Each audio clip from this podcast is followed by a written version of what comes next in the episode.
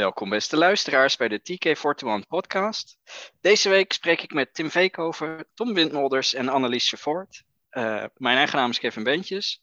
Misschien even leuk voor de luisteraars die uh, ons nog niet zo goed kennen. Wij zijn allemaal mensen die bij TK41 werken, de Belgische Star Wars fanclub, Nederlandstalige Star Wars fanclub. Uh, we geven onder andere vier keer per jaar een magazine uit, TK41 Magazine zoals je misschien had kunnen raden. Uh, als je meer info wilt over onze fanclub en wat we allemaal doen, uh, dan kun je onze website bezoeken, tk41.be. Dat is T-E-E-K-A-Y-42e.be. Vandaag gaan we het eens even hebben over een filmgenre en hoe dat linkt met Star Wars. We hebben eerder gesproken over de invloeden van westernfilms uh, op Star Wars. maar vandaag spreken we eens even over de invloeden van science fiction genre op Star Wars.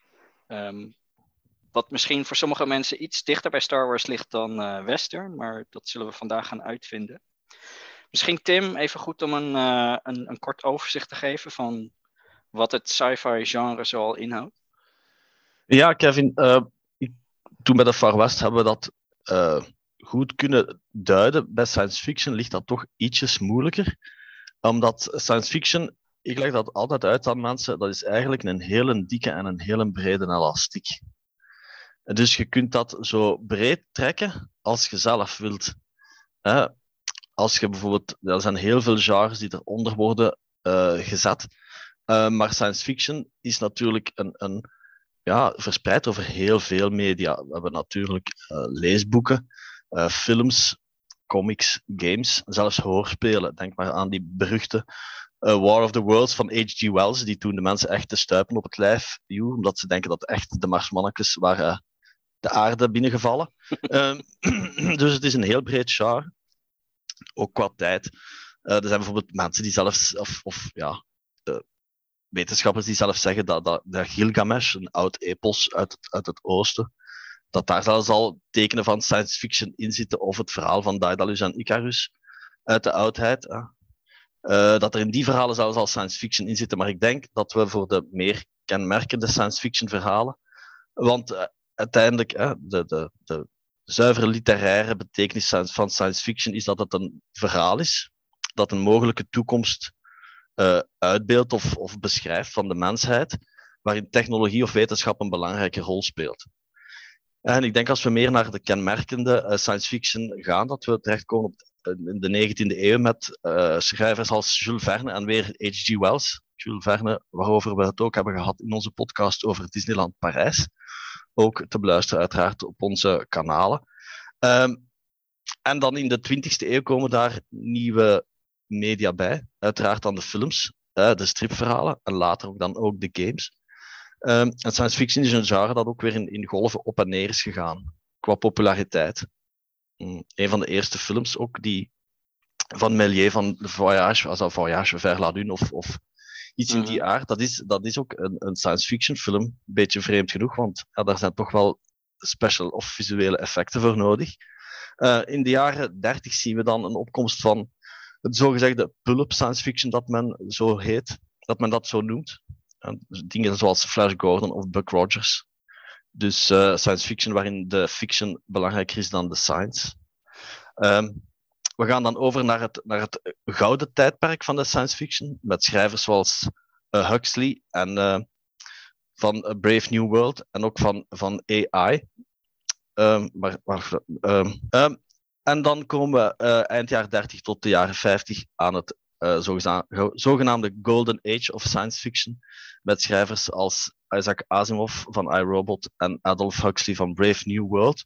Daar dan is dan weer, weer de science belangrijker dan de fiction.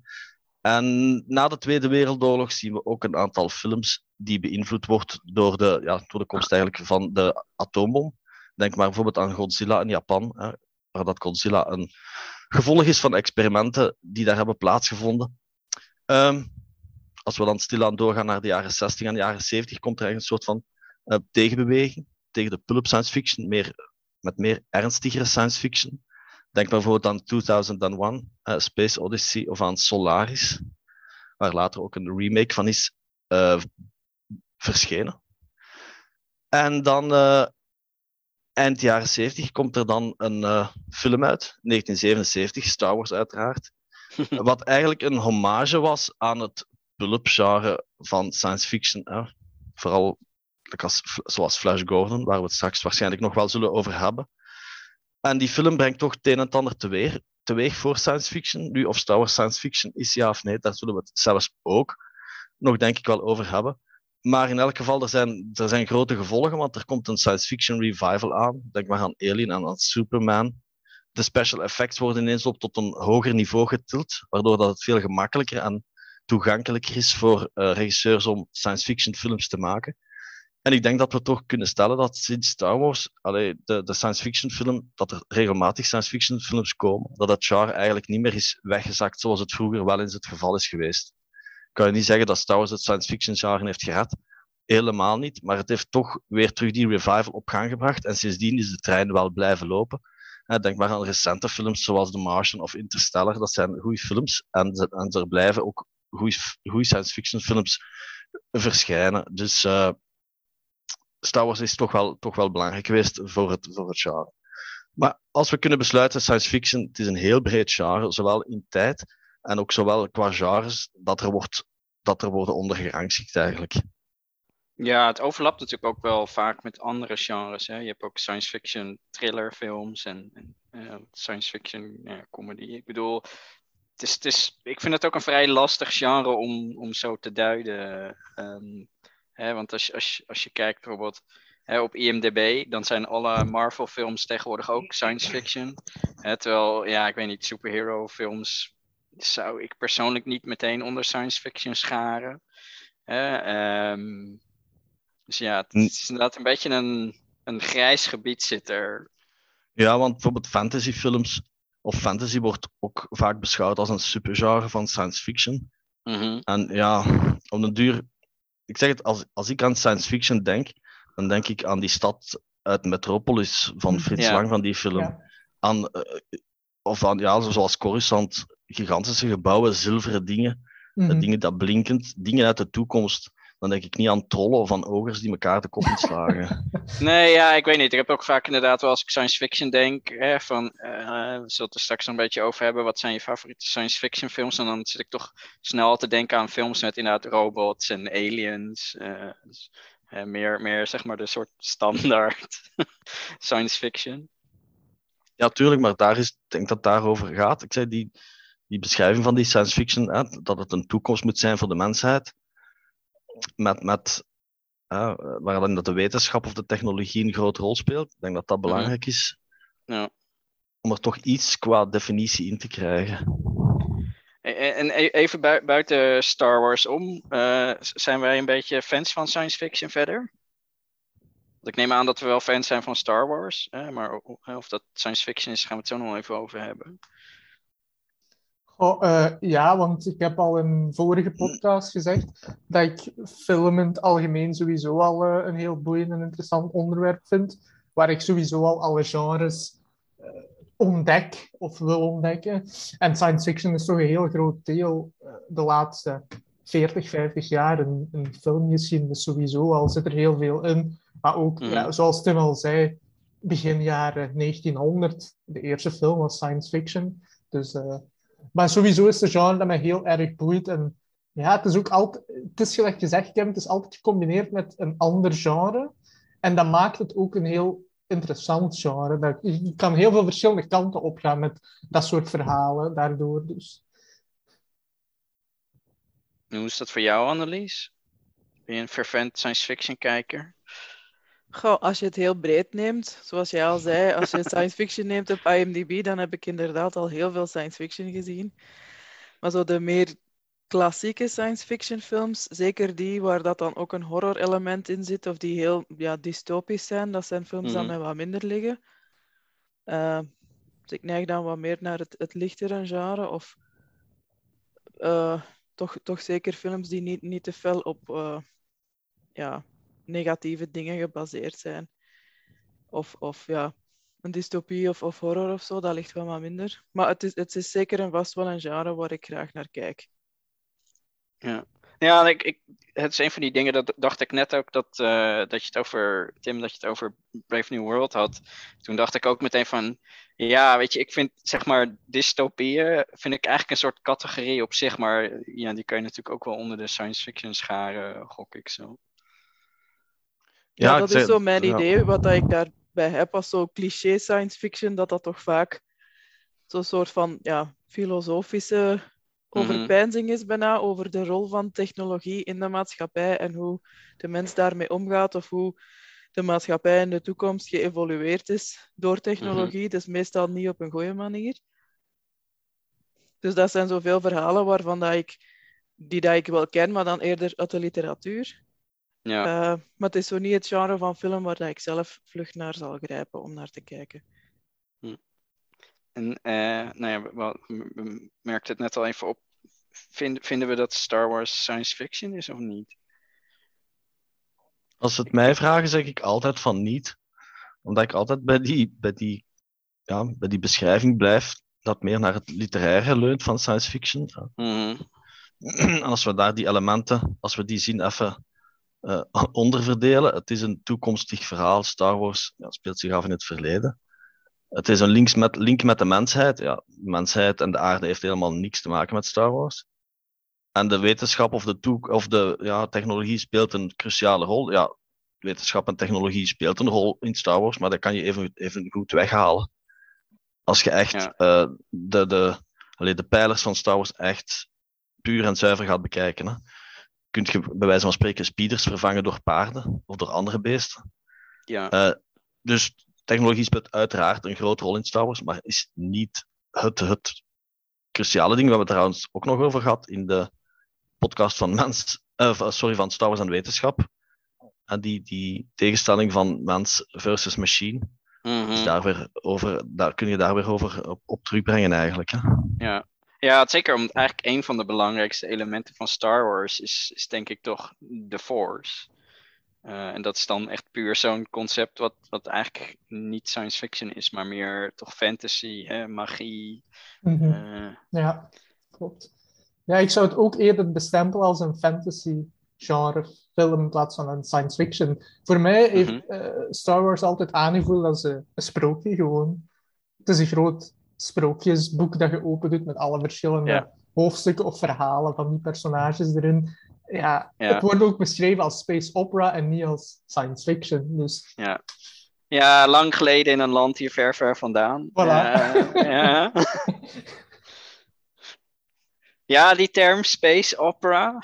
Ik, ik, ik vind dat zelf ook altijd een beetje een, een lastige. Want uh, wat, wat, wat kunnen we nou bijvoorbeeld om, als, als andere films nog onder dat genre scharen? Als we space opera nu even als een genre benoemen. Flash Gordon sowieso. Ja. Misschien niks. Uh, uh, John Carter on Mars misschien. Mm. Uh, er zijn misschien nog, nog wel een aantal films. Uh, Stardust. Ja, Stardust. Misschien, maar dat is dan ook weer iets heel veel romantiek erbij. Ja, ik vind dat te weinig space eigenlijk. Mm -hmm. En uh, Valerian of zo? Ja. Misschien wel, omdat dat ook gebaseerd is op een boek geloof ik. Ja, een Franse maar, comic, hè? Ja, of een ja. comic, ja. Maar dat, ja, dat maar is toch denk... ook wel redelijk in dat pulp-genre dan uiteindelijk. Want hè, als je het dan over Flash Gordon hebt en nou, Valerian ook toch best wel. Ik denk dat het genre space opera eigenlijk meer van toepassing is op de eerste film. Mm. En op wat het, het, het, idee dat George Lucas had met Star Wars, alleen wat, wat wij nu als een New Hope kennen, dat dat meer daarop slaat dan wel op, op de ganse franchise. Ja. Zeker als je kijkt naar de, de series nu en, en recentere films, daar is dat toch niet meer zo echt gebaseerd op die archetypes van, van die films van de, de gouden tijd van Hollywood. Ja. Dus dat is zo, inderdaad zo'n genre dat aan Star Wars blijft vastplakken, maar ik vind het toch ook meestal niet zo, niet zo een, een, ja, een goede omschrijving als, als genre. Nee, dat is, dat is juist. En ik, allee, we zouden Star Wars wel degelijk kunnen bestempelen als een soort van moderne science fiction, want uh, sinds Star Wars zijn er ook veel aftakkingen gebeurd in science fiction. Uh, en zo zou je het eventueel wel kunnen klasseren, maar ik heb liever dat het, dat het ja, inderdaad ook zoals als, als een sprookje of een, of een, of een, of een mythe of zo wordt, wordt beschreven. Mhm. Ja. Hey, maar dan even, even terug naar de, hè, de wel science fiction films. Hè, wat, wat, wat zijn een beetje eh, jullie favoriete films? Ehm, Tom, noem eens wat. Goh, ehm, ja, we moesten een klein lijstje maken. Hè. Ik zal er eens een paar opnoemen. En om niet de, de klassieke route te gaan, omdat er echt heel veel bekende science fiction films vaak genoemd Mhm. worden, heb ik een modernere gekozen. En dat is, de eerste is Edge of Tomorrow. Een film met Tom Cruise, Emily Blunt. eh, Groundhog Day meets Aliens. Dus een soort Ja. van tijdreizen in de film en dan vechten tegen gigantische monsters, waar we ook heel veel wetenschap en ja, toekomstige wapens en dergelijke aan te pas komen. Het is een hele, hele goede film, vind ik. En eigenlijk een die veel te weinig vernoemd wordt, vind ik, eh, in het algemeen. Ja, die was zeker niet slecht, die film. Tim, noem jij eens een, eh, een van je lijstje. Maar, ja, ik heb een top 5 opgesteld. Dat was niet zo simpel. Op top 5, bij eh, plaats 5 staat bij mij 2001 A Space Odyssey van Stanley Kubrick uit 68. Uiteraard een klassieker. Ik heb die film vroeger gezien als kind. Ik snapte daar niks van. Eh, Ik heb die film daarna veel keren opnieuw gezien, maar elke keer in slaap gevallen. Totdat ik een keer niet in slaap ben gevallen en toen heb beseft van dat is echt wel een hele, hele, hele goede film. Natuurlijk, ja, de fantastische mu- muziek van Strauss. En heel, toch een hele mooie cinematografie met hele iconische beelden, kleuren. Mhm. Ja, Mhm. het is een super, super film, maar je moet kunnen wakker blijven. Ja. Ja, nou, ik, ik, hè, ik, ik wou eigenlijk zeggen, dat is dus een, precies een film waar ik dus niks aan vind. Maar misschien moet Ja. ik hem ook eens een keer eh, herzien. Mhm. Eh, want ik heb hem ook Ja. inderdaad gezien toen ik nog wat jonger was. En dan zoek je toch de films hè, die wat meer spanning en avontuur hebben. Mhm. eh, en niet eh, die ellenlange scènes met de klassieke muziek eronder. Maar het is inderdaad, ja. Ja, het is Ik- enorm, enorm traag en het, is, het is, het hangt misschien ook af van het moment wanneer dat je hem ziet, of ik weet het niet. Hè. Ja, ik heb een beetje hetzelfde gevoel als Kevin, want ik heb die ook al acht, acht negen jaar geleden misschien eens proberen te kijken. Dat is gelukt, maar ik vond het zo raar dat ik hem gewoon niet snapte. Ja, misschien met het ouder worden dat dat wel verandert. Misschien, ik, ik moet die sowieso nog eens een kans geven, omdat ik dat ook niet... Ja, ik begreep hem gewoon niet. Ik weet niet wat er allemaal gebe- gebeurde.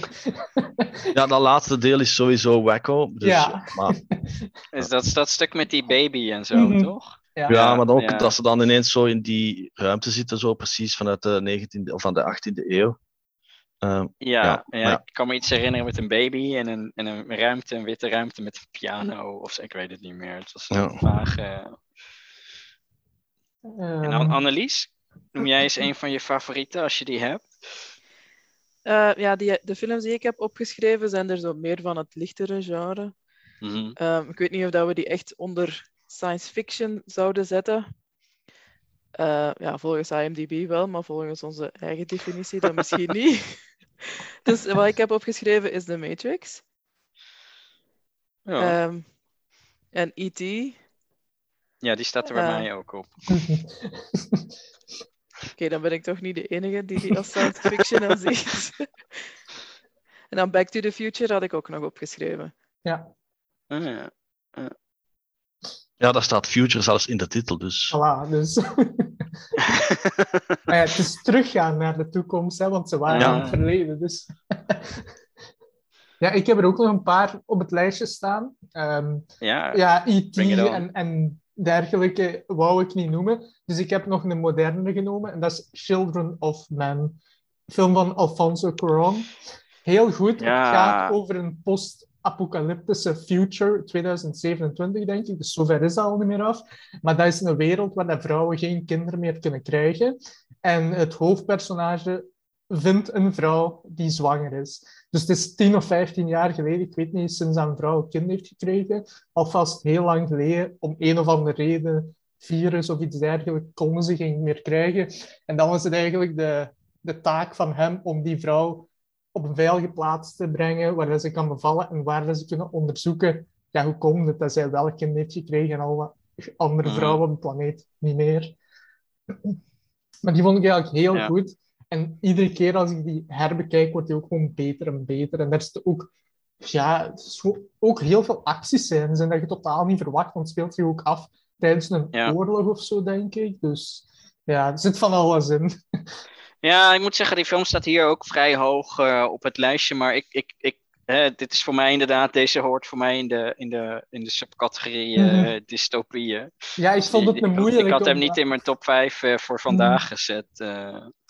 Eh. Het is een moeilijk, want eh, ik had al eens opgezocht en soms staat er science fiction bij, soms niet. Ja, het, is, Mm, ja, het, het genre is zo breed dat het, dat het moeilijk te definiëren valt. ja. Tim, noem jij er nog eens één? En bij mij op eh, nummer 4 staat ook een film uit 1977 van Steven Spielberg, Close Encounters of the Third Kind. Vind ik Ja, een die van, staat hier ook ja. op het lijstje. Mhm. Ja. vind ik een van Spielberg zijn, een van zijn beste films. Mhm. Het is een ongelooflijke, eh, coole opbouw. Er gebeurt eigenlijk ja. qua actie bijna niks, maar dat is zo mysterieus. Die opbouw, ook met die aliens. Eh, dus ja, ik vind dat gewoon een hele, een hele goede film. Nee, ik ook hoor. Ik, ehm, ik, ik zal ook mijn lijstje even erbij pakken. Ik, eh, ik heb zelf ook even zitten denken, wat zet ik op? Hè, maar wat, wat ik in het begin zei, voor mij... eh, ik, ja, ik vind science fiction heeft toch wel iets met, met robots of aliens. Ehm, en dus ik heb een soort selectie gemaakt inderdaad. En, en eigenlijk zijn het voornamelijk films eh, die iets te maken hebben met aliens die naar de aarde toekomen. Hè. E.T. was net al genoemd, Close Encounters. Eh, maar ik heb ook Arrival erop staan en District 9 Mhm. omdat ik dat gewoon, ja, ik, ik, ik vind het interessant. Eh, zeg maar, het is interessant gegeven, er, er komen aliens naar aarde toe. Eh, We kunnen dat misschien nog ergens soort van hè, voorstellen. Eh, hoe, hoe zou dat zijn? Eh, dus ik vind dat eigenlijk wel een soort ja, interessante tak van, van de science fiction. Arrival, dat is toch die van Dennis Villeneuve? Ja. Mhm. Met die hele grote aliens zo Ja, dat ze gaan proberen te te communiceren. communiceren. hè. klopt. Ja, ja, Ja, ja, ja. ja. ja, die was goed. Ja. Dat is een die ik ook heel goed vond, alleen eh snapte ik het einde niet goed of zo. Met die generaal of die Chinese generaal, dat die dan terugziet of zoiets. Ja, daar, daar was ik niet meer bij mee. Dat weet ik niet meer. Ja, dat heeft zo'n speciaal einde dat ik, dat ik ook niet zo goed snapte. Maar Maar wat, wat heb jij verder op je lijstje staan, Tom? nummer drie voor mij is eh, een van mijn favoriete films en dat is Robocop. Het is, eh, De originele dan wel, hè? Oh, ja, uiteraard, uit 87. Ja, Paul Verhoeven, Ja. dus Nederlandse regisseur. Dus, eh, man, part man, part machine. Het is the future of law enforcement. Dus sowieso future zit al in de tagline. Ehm, het gaat over, ja, we weten het verhaal wel, een politieman Ja. die wordt neergeschoten en wordt veranderd in een super police robot kop. dus, eh, en Ja. ja, de- ook weer heel veel science aan te passen. En het gaat ook weer over de toekomst, of hoe we in de toekomst misschien gaan leven. Want er zit ook het gedeelte in van die moderne stad die gebouwd wordt. Eh, Ja. zit ook, ook weer met de toekomst te maken. Ja. Het is, ook, het is een film die ik vrij recent nog herzien heb. En, en toen besefte ik me pas hoeveel ehm, best wel gruwelijke scènes erin zitten. Ja. dat die hele boardroom overhoop wordt geschoten door die Mhm. robot. Of die man die in dat chemisch afval aan het Ja. smelten is. Dat alles, is best wel een, eh, best wel een heftige film. eh. Ja. Dat heb ik toch ooit als klein kind wel een keer gezien. ja. Tim, jouw nummer drie? Is die al aan bod Mijn- gekomen? Nee, mijn nummer drie is een film uit 1979 en de tagline was In space, no one can hear you scream. Dat is Mm, uiteraard Alien. Ja. Dat vind ik een van de beste films ooit, ooit gemaakt ook. De vervolgfilms vind ik ook goed, maar de originele blijft er toch tussenuit steken. Ja. Eh, fantastische casting. Ja, heel spannend, zeker als je de film nog nooit gezien hebt. Mhm. Ook omdat je de alien zelf niet zo super, super goed eh, ziet. Eh, ja, dus dat is goed gedaan daar. ja. Dat, houdt de- de spanning erin. Die, die ontwerpen van, van Geiger, of van Giger, ik weet niet hoe dat het uitspreekt, Mhm. zijn, zijn gewoon super, super mooi gemaakt. En, en ja, een hele goede film. ja, die staat ook bij mij op mijn lijstje. Ik, ik kan het al verklappen, want dat is eigenlijk mijn nummer één. Alien, Ja. een van mijn favoriete films. Ook, ja, het eh, horror meets science fiction is denk ik mijn favoriete subgenre in het science fiction gedeelte. Ehm, ik heb die film ook gezien in Kinepolis op een groot scherm bij Alien Day. Ja, ik denk vier, vijf jaar Mm. geleden. Maar daar zitten echt scary scènes in. En dan op zo'n groot doek is dat echt eh, magnifiek. Het is ook heel leuk om die te zien in de cinema, omdat dat ook een heel claustrofobisch gevoel geeft, die film. En zeker die laatste scènes als eh, Ripley alleen daar op dat spaceship, op de Nostromo zit rond te rennen, ehm, te vluchten voor de alien. Ja, en heel veel van die flitsende beelden. Dat komt wel hard binnen, want ik denk mensen die epilepsie hebben of zo, dat is wel eh, een beetje Ah. gevaarlijk in de cinemazaal.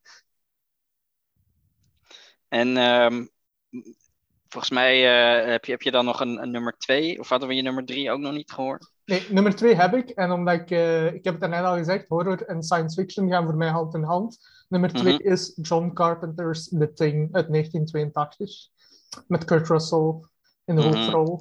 Eh, hetzelfde, een van mijn favoriete films. Ook weer het ehm, science aspect van een alien die naar aarde komt. En dat je niet weet, ja, wie is die alien? Hoe ziet die eruit? En ehm, ja, en, en in wie zit die? Want het is, het is een ding, zoals de titel het zegt, een ding. Ja. En het zit in iemand, maar in wie? Het is zo'n beetje, ja, wie is het in space met, of ja, niet in space, op, op de Noordpool. En dan Ja. eh, met, met een monster in iemand. Dus Ja, wel een fantastische setting trouwens, eh, in Ja. dat onderzoeksinstituut. ja, ook weer claustrofobisch gevoel. Hè. Dus ik denk dat ik bij Ja. dat, dat, Ja. kijk ik precies het liefste naar, naar die claustrofobische horror science fiction films. Oké, Tim, heb je nog wat? eh, is jou- jouw lijstje al rond? Eh, ik heb nog twee films opgeschreven. Eh, mijn tweede favoriete science fiction film is een uit 1956 en is Forbidden Planet met Leslie Nielsen, die wij vooral kennen uit van die komische films als Naked, The Naked Gun. Maar daar heeft hij een, een ernstige rol. Het gaat dus over een ja, ruimteschip met een bemanning dat naar een kolonie moet gaan om te kijken wat dat er is gebeurd met die kolonisten. Mhm. En blijkbaar dat er toch meer aan de hand is. Alles lijkt idyllisch te zijn, maar er is toch wel het een en het ander aan de hand met die, met die kolonie daar. Ik heb Forbidden Planet, mensen kennen het vooral uit van die, van die iconische robot, Robbie the Robot. Mhm. Maar het is, eh, Ah, ja, ja, ja. ja. Het, is, het is eigenlijk een hele. Allee, je moet je verstand erbij houden, zeker voor een film uit die tijd. Alleen met alle respect voor de mensen die in de jaren 50 leven. Maar het is, een, het, is een, allee, het is eigenlijk een intelligente science fiction film. Ehm, en ook met hele mooie matte paintings. Het was ook een belangrijke film qua geluid, omdat ze voor het eerst, geloof ik, met een soort van computer soundtrack of zo hebben gewerkt, of een elektronische soundtrack. Mhm. Eh, ik vind dat een heel interessante film. Er zitten ook een aantal eh knipogen in. Daar, allee, Star Wars heeft een aantal keer gerefereerd. Niet super, super duidelijk, maar eh, naar, naar Forbidden Planet. Dus absoluut een film, als je hem kan zien, zeker eens doen. Mhm. En dan missen we er nog één. Mijn eh, favoriete film, science fiction film aller tijden, en zeker ook een van mijn favoriete films ooit, is Blade Runner van Ridley Scott uit 82. Ik wou net zeggen, niemand heeft nog 81, Blade Runner gezegd. Nee. Bij mij stond hij Ja. opgeschreven als extra, maar ik wist dat Ja, ja. iemand hem sowieso ging noemen. Dus. Ja, uiteraard met Harrison Ford. En ja, het is een, eigenlijk een existentiële science fiction film. Het gaat over, over het leven. Ja. En, en ik heb die film ook gezien, vroeger ook gezien als ik klein was. En ja, ik verstond er eigenlijk ook niet zoveel van. Mhm. Maar dan opnieuw beginnen te kijken en dan ook besef van, ja, wauw, dat is eigenlijk een super, super film. Ja, maar vooral, er zitten van die, echt Ja. van die hele mooie scènes in. En, Ja. en de muziek is ook echt fantastisch. eh, Ja, Van Vangelis. De- ook in dat eerste uur gebeurt er eigenlijk niks in die film. Dat is eigenlijk een documentaire. Mhm. Mhm. En dan begint het verhaal echt zo, zo allee, Ja. op gang te komen. Hè. En, eh, Ja. en de tweede, 2049. Die vond ik ook goed. Want ik had ze allebei opgeschreven, omdat ik ehm, de tweede, waar we toen ook in de bioscoop gaan zien, en die had mij ook meteen mee van in het begin, want het verhaal is daar ook heel interessant. Maar ook ja, langdradig, gelijk de eerste, gewoon het Mhm. origineel. Ja. En enkele andere films, reserve, die ik nog had opgeschreven waren Sunshine, Interstellar, Mhm. Inception, Planet of the Ja. Apes. Ja. de Matrix ook, ja, die heeft Annelies ook al genoemd. En eventueel ook Ex Machina, maar die heb ik ook nog maar één keer gezien. Mhm. Ik, ik zal je zeggen, ehm, Sunshine staat bij mij op nummer 1. Ik vind dat, Ja. ik, weet- ik weet niet Ja. waarom, maar ik vind dat echt een van de. I don't know. Het is ook. Sowieso in, in de soundtrack zit een nummer dat heet Sunshine. Dat is echt de beste filmmuziek ever.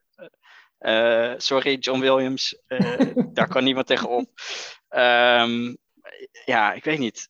Die film die heeft iets en ik, ik kijk hem regelmatig nog terug. Gewoon, eh, ja. Ja, het is niet zo'n bekende film en ik heb die ooit eens gezien op tv of, of op dvd gekocht. En ik vond dat echt, ja, ik vond dat ook nog een goede film. En een andere die ik nog had opgeschreven, maar dat is meer een soort jeugdsentiment. En ik weet niet of dit de beste science fiction film ever is, maar dat is Lost in Space, maar dan de versie uit 98. Ah, ja. Dat is echt, ja, dat is een, een film die heb ik in mijn jeugd een paar keer gezien. Ik weet niet, ik vind dat gewoon een fantastisch leuke film. Maar dat komt ook gewoon een deel door jeugdsentiment, want ja, de graphics zijn eh, vreselijk achterhaald eigenlijk. Eh, maar ja. Annelies, ik heb jou al een tijdje niet gehoord. Heb jij nog eh, toevoegen? Ja, ik moest nog denken aan Total Recall. Hmm, Dat is misschien ook niet de beste science fiction film. maar ik weet dat ik die vroeger ook al ook gezien heb toen dat ik, ja, toen dat ik nog jong was. En dat ik die toen ook wel leuk vond. En onla- onlangs was die nog eens op de tv en heb ik daar nog eens naar gekeken. En dat is eigenlijk wel een, een leuke film. Daar zitten wel leuke scènes in. Het hele concept van, van die kolonie op, op Mars is het zeker, is ook leuk gedaan. Dus eh, ja, het blijft wel een hele leuke film. Het is misschien geen heel hoogstaande film, maar ja, ik vind hem ja, vind maar uiteindelijk, ik bedoel, dat is uiteindelijk een, een film hoeft natuurlijk niet een super hoge score te hebben om hem leuk te vinden. Nee. inderdaad. Het is ook weer Paul Verhoeven. ja. En hij heeft ook Starship Troopers gedaan, dus ook weer science fiction. Eh, ja, dat Heeft vond ik ook, met een, science vond ik fiction, ook eh, heel goed. eh, die ja. vond ik eigenlijk Ja. ook heel goed.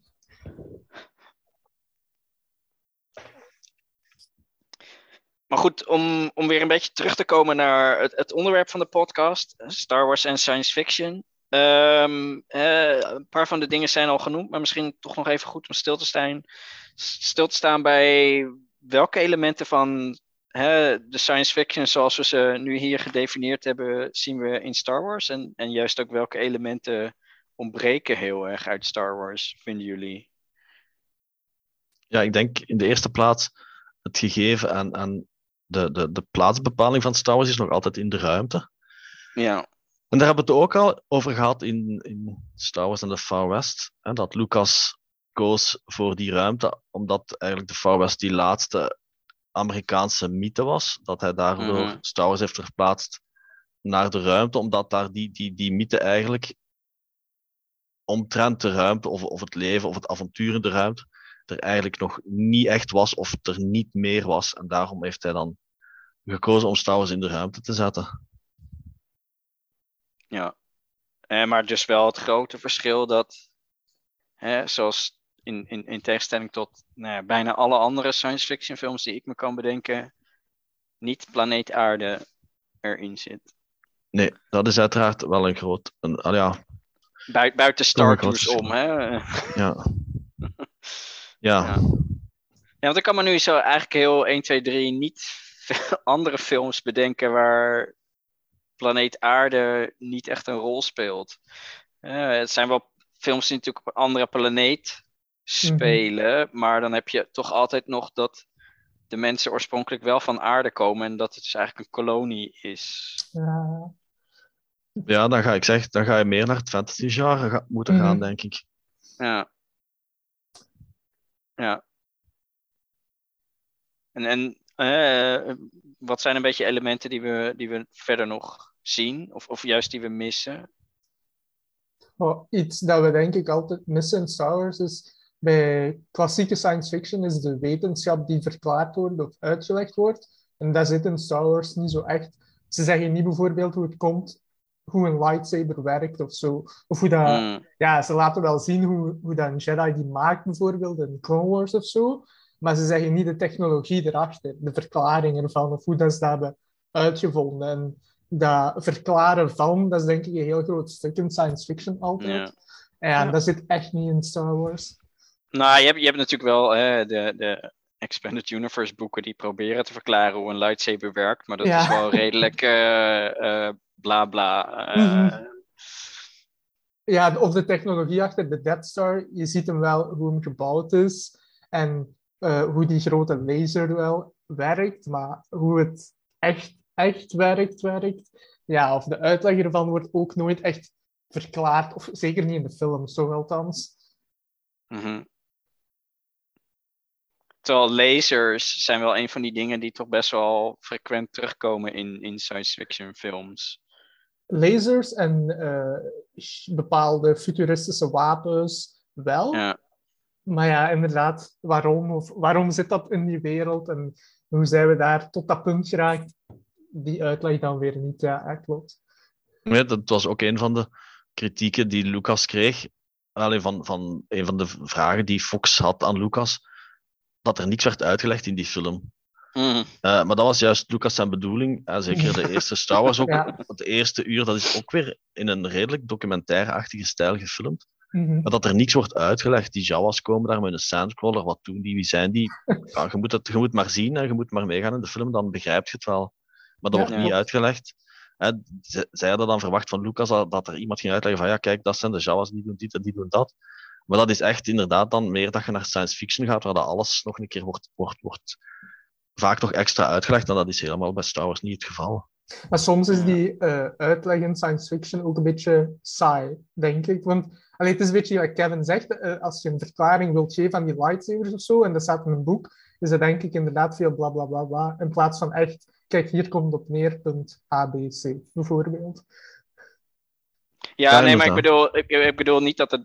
eh, niet zozeer in die zin, bla bla bla, maar meer dat de uitleg die ze daarbij bedenken.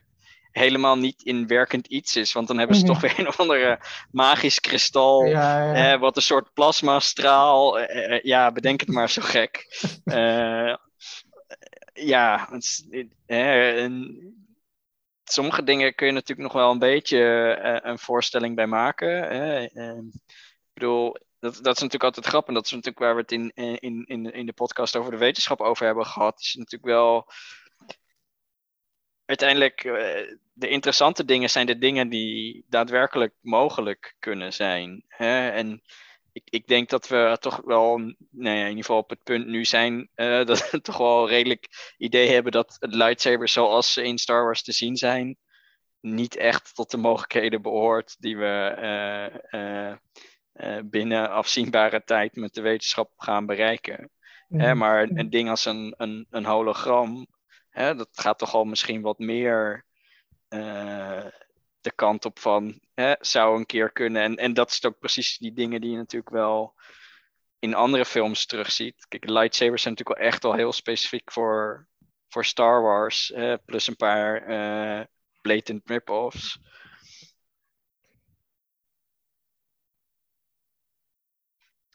En, en wat, wat, zijn, wat zijn een beetje de elementen die, die, die we missen uit, uit science fiction? eh, behalve dus eh, de aarde.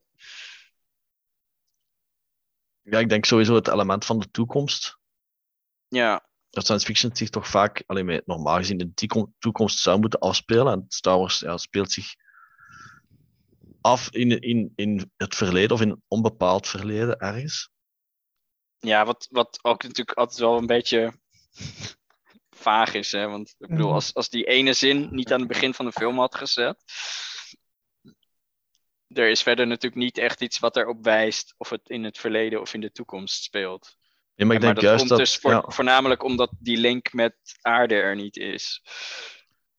ik denk dat juist die, die zin zo krachtig is, omdat er ook verder zich niemand meer vragen gaat bij stellen. Ja, Mhm. Maar er is ooit Ja. wel een, een poster of.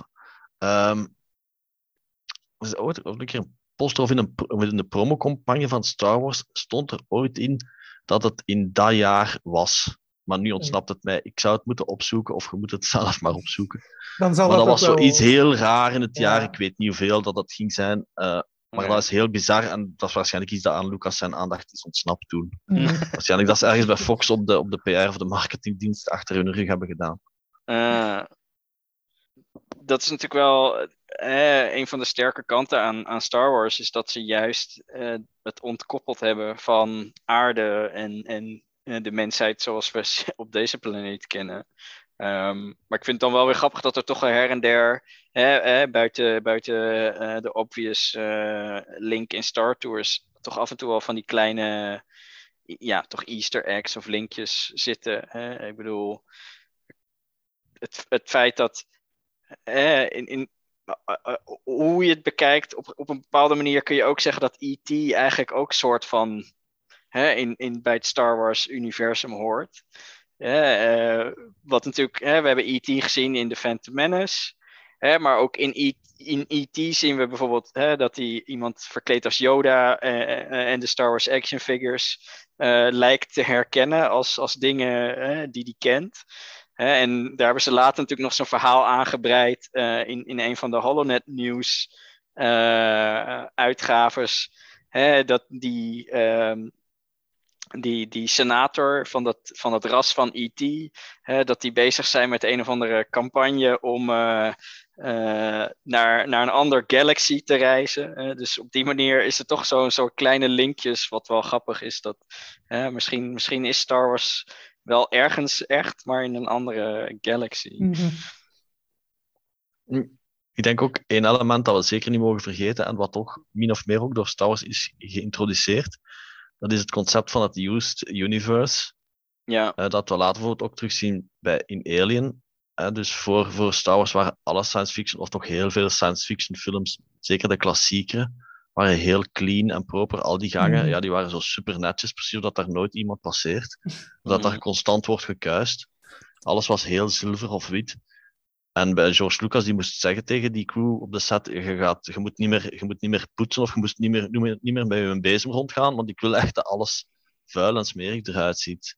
Ja. dat het echt het gevoel geeft van dat er mensen leven, een garage waar dat er geen vlekken op de grond zijn, of waar dat er geen potten of, of, mm -hmm. ja, of, of niet, niet vuil is. Dat is niet echt een garage, natuurlijk. Ja, ja maar dat, is, dat speelt natuurlijk in, in Star Wars in die zin ook wel een rol omdat het echt de scheiding ook aangeeft van het, het, Empire. Wat allemaal, inderdaad, als we dan een Dead Star zien of een Star Destroyer, die hebben inderdaad wel zo mooie gepoetste vloeren. ja, en die Stormtroopers zijn allemaal netjes wit.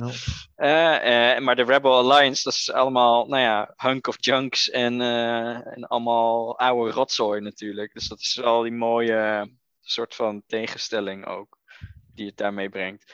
Plus natuurlijk dat een planeet als, als Tatooine, ja, die, die kun je niet, je, dat kun je bijna niet op een geloofwaardige manier doen op een andere manier. En, uh, ik, ik ben wel blij dat ze inderdaad zo'n richting op zijn gegaan en, en het niet zo, want veel, veel ja, in science fiction zie je toch, heb je toch ook wel wat, wat, wat, wat locaties die wat, wat vuiler en gebruikter zijn, maar dat zijn toch altijd van die soort Neo-Tokyo-achtige uh, neon-districten met een hoop rotzooi wat over straat uh, waait. Zoals bijvoorbeeld in, in, in films als Blade Runner.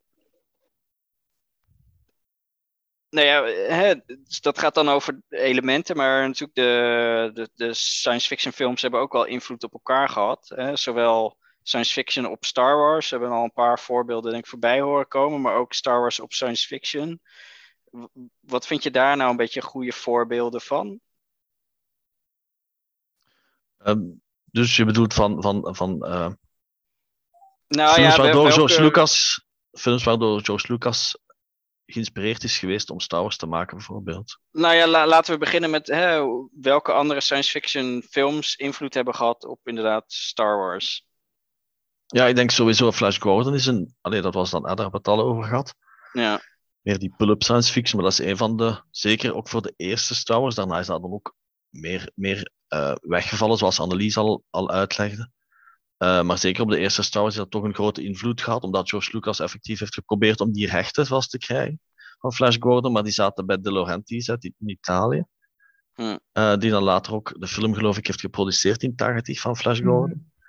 Hmm. Um, dus dat was niet mogelijk, die waren te duur. En dan heeft hij gezegd, oh ja, dan bedenk ik zelf wel iets als Flash Gordon in die aard, maar, maar beter. En dat is, dat is ook gelukt.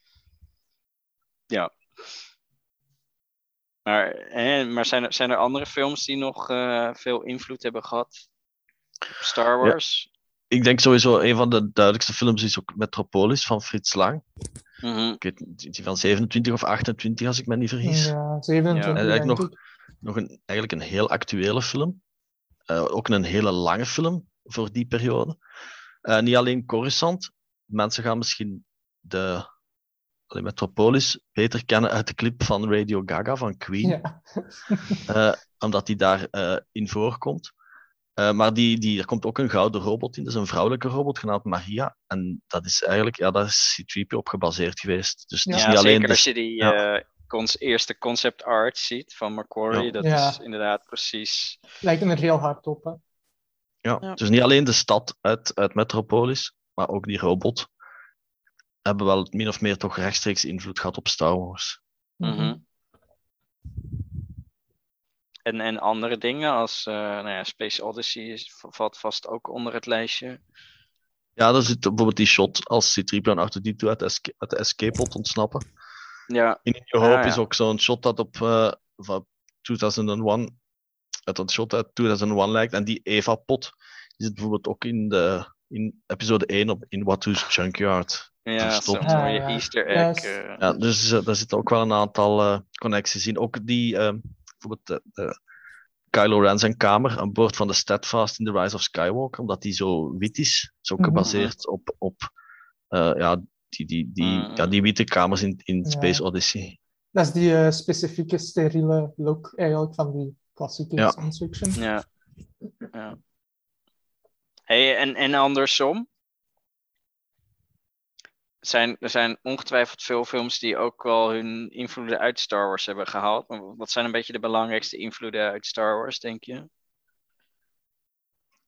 Ja, ik denk sowieso die Used World, die toch Ja, ook door andere films werd, werd gebruikt.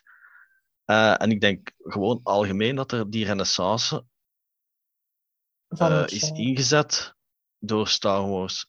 Films like als Alien, die hadden waarschijnlijk nooit gemaakt geweest als Star Wars geen succes was geweest, omdat eh, ja, omdat genre een beetje eh, ja, ja. en ten einde was. Of, eh, bij Star Wars besefte men dat mensen wel degelijk naar de cinema konden gaan. En daarboven besefte men ook dat science fiction wel degelijk ook een groot publiek kon aanspreken. Want dat was voor Star Wars misschien toch eerder zo'n genre dat men definieerde.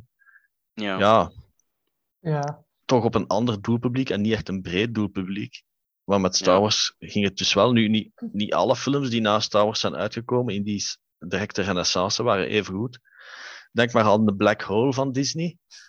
Als je daar niet mee in slaap valt, dan verdient je een hele dikke prijs. Want die is echt heel, heel slaapverwekkend. En die film van Star Trek, The Motion Picture, die eerste, ja, die is ook niet echt super, super spannend, zal ik maar zeggen. Eh, dus niet alle, alle films die daarnet na Star Wars zijn, zijn eh, uitgebracht in die slipstream van dat succes, Mm. eh, waren, waren zelf ook succesvol. En ik denk ook vooral door die special effects, ja, die Ja. uiteindelijk ook door Lucas zijn, zijn opnieuw opgebracht bij ILM. En we hadden dan ook direct die eh, Battlestar Galactica-serie, Ja. waar dat effects zijn gedaan door, een- door een, een groep mensen van ja, Apogee, onder leiding van John Dykstra, die waren dan afgesplitst van bij ILM. Ja. En, en ja, na ILM zijn er natuurlijk ook zoveel andere effectenbedrijven gekomen, maar ja, het is ook weer allemaal opnieuw begonnen met Star Wars.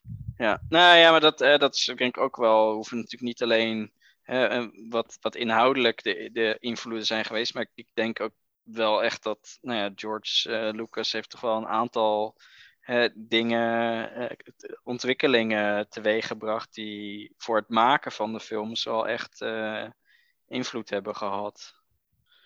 Eh, en nog steeds, uiteraard. hè. Eh, we zien het nu ook weer met zo'n zo'n serie als The Mandalorian, die in zo'n zo'n zo'n koepel eh, met zo'n speciaal eh, scherm is opgenomen dat je geen sets meer hoeft te bouwen.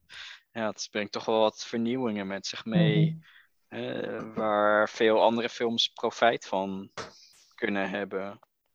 Ja, dat klopt. En ook heel veel modernere regisseurs, neem dan 40, 50 jaar dan als ze zijn, die spreken heel vaak over George Lucas als een hele grote influence over film Ja. maken en het, ja, science fiction als iets maken. Dus ja, ik denk buiten Star Wars op zich heeft George Lucas ook gewoon een heel grote invloed gehad Ja. op heel veel moderne filmmakers. Ja, ja en natuurlijk, eh, sommige dingen zijn niet specifiek voor, voor science fiction, maar ik denk ook zeker, eh, George heeft wel wat beslissingen gemaakt waar mensen in het begin heel hard om moesten lachen. Hè, maar eh, zoals bijvoorbeeld dat hij graag de rechten wou hebben van, van merchandise. En toen dacht iedereen, ja, je doet je best maar met je broodtrommeltjes in je dekbed overtrekken. Hè, maar eh, daar kijken ze tegenwoordig toch wel anders naar. eh, Ja, ik, ik denk ook dat hè, veel merchandise. eh, is met Star Wars begonnen eigenlijk. Hè? Ja, echt, echt wel. Ja. Daarvoor, zeker. in de jaren 60 bij eh, Star Trek, had hij die rare helm met die groot flikkerlicht op. eh, dat was de merchandise van Star Trek. Een soort van politiehelm met een groot rood flikkerlicht eh, van bovenop. Oh, oké. Ja, voor, voor Star Wars had je eigenlijk alleen Walt Disney die merchandising had. En een beetje van James Bond en Planet of the Apes. Maar daarna moest je al verder gaan zoeken. Mhm. Ja, maar bijvoorbeeld inderdaad Star Trek had toen ineens ook allemaal action figures. En, eh, Ja. Het is wel grappig dat dat ook een soort ja, kentering was in, in hoe films eh, vermarkt werden. hey, we hebben het al een paar keer eh, heb- hebben we de naam genoemd. eh, Star Trek. Misschien moeten we dat toch ook even over hebben, want het is toch altijd wel hè, de eeuwenoude battle Star Wars versus Star Trek. Wat, wat, wat vinden we nou van Star Trek? Ik neem aan dat we meer fan zijn van, van Star Wars, maar eh, is het nou zo dat we Star Trek dan ook haten? Nee, helemaal niet. Ik ben eigenlijk onlangs begonnen met alles van Star Trek opnieuw te bekijken. Nu, Mhm. eigenlijk was mijn man daarmee mee begonnen met de original series op Netflix. Oh En ja. eh, hij was daar naar aan het kijken en ik lachte daar eerst mee, maar nou was hij jij nu aan het kijken. Zo stom, zo oud, maar ik was dan mee beginnen kijken en eigenlijk vind ik dat nog wel leuk. Mhm. Dus we hebben die, die ganse serie dan bekeken en we zijn nu in de Next Generation beland. ja. Eh, dat heb ik vroeger op tv wel eens gezien. Eh, ja, toen dat gewoon op tv kwam. Eh, ik zag dat wel graag, maar dat was zo niet iets dat me echt aansprak. Dus ik ging er niet speciaal voor thuis blijven. Ik ging dat ook niet opnemen, maar als dat op tv was, dan vond ik dat wel leuk. Mhm. Dus nu kijken we daar zo naar. Ja, zo af en toe is een aflevering, maar het is zo niet iets dat ik echt wil gaan binge-watchen of zo. Maar ik vind het wel leuk om naar te kijken. Ja. Nou, ik moet zeggen, ik heb eh, Next Generation ook eh, nee, niet heel lang geleden ehm, in zijn geheel gekeken. Want ik, ik had hem zelf nog nooit eerder gezien. Ja, misschien eens af en toe stukjes of zo. Ja, want toen, ik, toen voor mij Star Trek op tv was, was het al eh, Voyager. Dus dan zaten we natuurlijk al een paar jaar later. Ehm, maar ik moet inderdaad, ik ben het wel met je eens. eh, het was voor mij ook geen binge-watch. Maar dat komt natuurlijk, het zijn nou ja, wat zijn het? Zeven seizoenen met Mhm. elk 24 Denk afleveringen. Dus het is nog best Ja, wel een, eh, een, flinke ja. zit. En, en er zitten natuurlijk ook best wel wat afleveringen tussen die eigenlijk gewoon veel te lang zijn. Eh, ik bedoel, zeker als je het natuurlijk vergelijkt met een serie als Star Trek Discovery. Eh, is, is The Next Generation toch van tijd tot tijd best wel saai. Ja, The Next Generation is eigenlijk hetzelfde als de original series, maar dan met andere mensen. Hè? Ja, Zo van ja, ik heb de originals en- ook nooit gezien hoor, dat moet ik bekennen. Maar eh, ik, ik dacht, ik begin bij de Next Generation, want die originals, dat was voor mij dan net even weer eh, te gedateerd of zo. Ja. Ja, ik heb eigenlijk wel een band met de originele serie, omdat ik eigenlijk... Voor mij is dat een heel nostalgisch gevoel, de original series. Omdat ik Mm. kwam vaak thuis van school en mijn oom die had die cassettes en daarna de- op dvd en wij keken die altijd samen. Als ik van school thuis kwam, hij had mij sowieso al leren, eh, kennis leren maken met Star Wars op een heel jonge leeftijd. En daarna zijn we Star Trek ook beginnen kijken. En eigenlijk, ik zie die original series heel graag opnieuw. Altijd. Ik kan er altijd een aflevering van opzetten eigenlijk. Want het staan op Netflix. Soms kijk ik Mm. gewoon zo eens eentje. Maar ik vind dat heel leuke, een heel leuke serie eigenlijk. Ja, ja, Next Generation heb ik eigenlijk nooit gezien. Ik heb die reeks wel eens beginnen te kijken. eh, maar dat boeide mij niet meteen. Dat komt misschien omdat ik gewoon meer iets heb met original series dan met de cast van Next Generation. En die andere series heb ik zelfs nooit gezien. Maar ja, bij Star Trek zie je ook wel dat Star Wars een invloed heeft geha- gehad op Star Trek bij de nieuwe films. Die zijn, daar zit veel meer actie in. J.J. Abrams zit hier eh, met heel, hele mooie effecten te werken. Maar die nieuwe films zijn alle drie heel goed, vind ik. Ik vind er geen enkele slechte film van. En ja, Star Trek over het algemeen, ik ben daar fan van. Zeker niet zo'n grote fan als Star Wars natuurlijk. Maar ik kan, dat, ik kan dat ook wel gewoon bekijken. Hè? Want ik weet dat heel veel mensen het Star Wars of Star Trek. Dat is bij mij totaal niet het geval. Dus. Nee, Ja, maar dat, dat, dat hè, ik, ik, ik bedoel, ik stelde hem net zo, maar ik heb toch het idee, eh, ik bedoel, de meeste mensen die ik ken die Star Wars leuk vinden, die kijken ook wel Star Trek, weet je wel. Dus Mhm. hè, zo zwart-wit zoals het wel eens op, op tv eh, of, of eh, in, in, in, in, de- in de populaire media, ja, dat, dat is helemaal niet zo, denk ik. Nee, nee. En, en je hebt zo'n beroemde foto van eh, Gene Roddenberry die de hand schudt van George Lucas. Dus twee creators die samen op de foto staan. Ik bedoel, waarom zouden de fans dan eh, ruzie moeten maken over wat, wat beter is? Ja, I don't know. Ja, die foto is genomen op een tienjarige conventie van, georganiseerd door Starlock. Dat was in mei 87 en toen was Roddenberry daar ook aanwezig. En ik denk inderdaad dat die tegenstelling tussen Star Trek en Star Wars eigenlijk iets, iets dat de media zelf heeft gecreëerd. Want eh, ik heb ook altijd graag naar Star Trek gekeken. Niet, is niet echt iets dat mij super, super heel- enorm hard boeit. Eh, want de originele, die gaven ze hier vrijdag op de BRT vroeger. Een vrijdagavond en wij keken daarnaar. Star, Next Generation heb ik ook gezien, grotendeels. Ik heb daar nu onlangs, enfin, dat is zelf een paar jaar geleden ook nog een keer iets van gezien, maar dat oogde wel verouderd, eerlijk Mhm. gezegd. Ja, Ja. dat is wel zo. Deep Space Nine heb ik nog gezien. Als je denkt dat Next Generation saai is en dat er niks is gebeurd, dan mhm. moet je een keer naar Deep Space Nine kijken. Nu, eh, op zich vond ik dat wel interessant. Dat is een ruimtestation dat in de buurt van een warp, van een, ik denk, een, ja, een warphole of zo is, is gevestigd. ja. Eh, daarna heb ik geen series meer gezien, alleen Picard, het eerste seizoen. En dat vond ik wel goed. Dat vond ik heel goed, het eerste seizoen.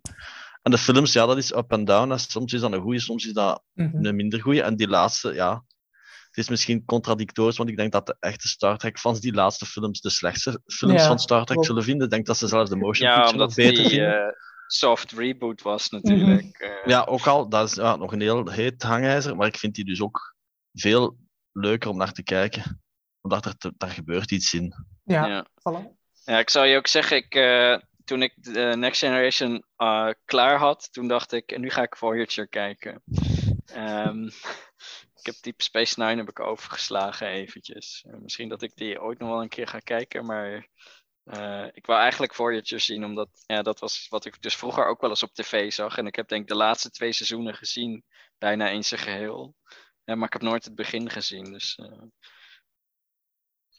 Maar er zijn, nu komen er toch ook weer een aantal nieuwe series aan van Star Trek hoor. Maar ik ja, weet ook niet, we kunnen er die heel veel. zien, hè. Eh, die Je eh, hebt Star Trek Discovery, maar die dat staat is op niet... Netflix, denk ik. Die Nee, niet meer. Ah, niet meer. Paramount heeft dat eraf gehaald en dat zit nu op Paramount Plus, maar wij hebben dat niet in België, dus Oh dat ja, kunnen we we hebben in niet- Nederland, niet, legaal zien. in Nederland hebben we een kanaal van Paramount, gewoon op de Ah, analoge tv. eh, Nee, wij niet. dat hebben wij niet, nee. en en daar, hebben ze, daar wordt echt heel veel Star Trek uitgezonden, maar ik denk ook niet het laatste seizoen heb ik volgens, ik weet het eerlijk gezegd ook heel eventjes niet meer. Ehm, Oké, nou ja, ehm, ik, eh, ik, ik denk dat we eh, wel genoeg eh, gediscussieerd hebben over, over science fiction en, en de link met, met Star Wars. Ik wil jullie graag bedanken en, en de luisteraars ook. Ehm, tot de volgende keer en live long and prosper.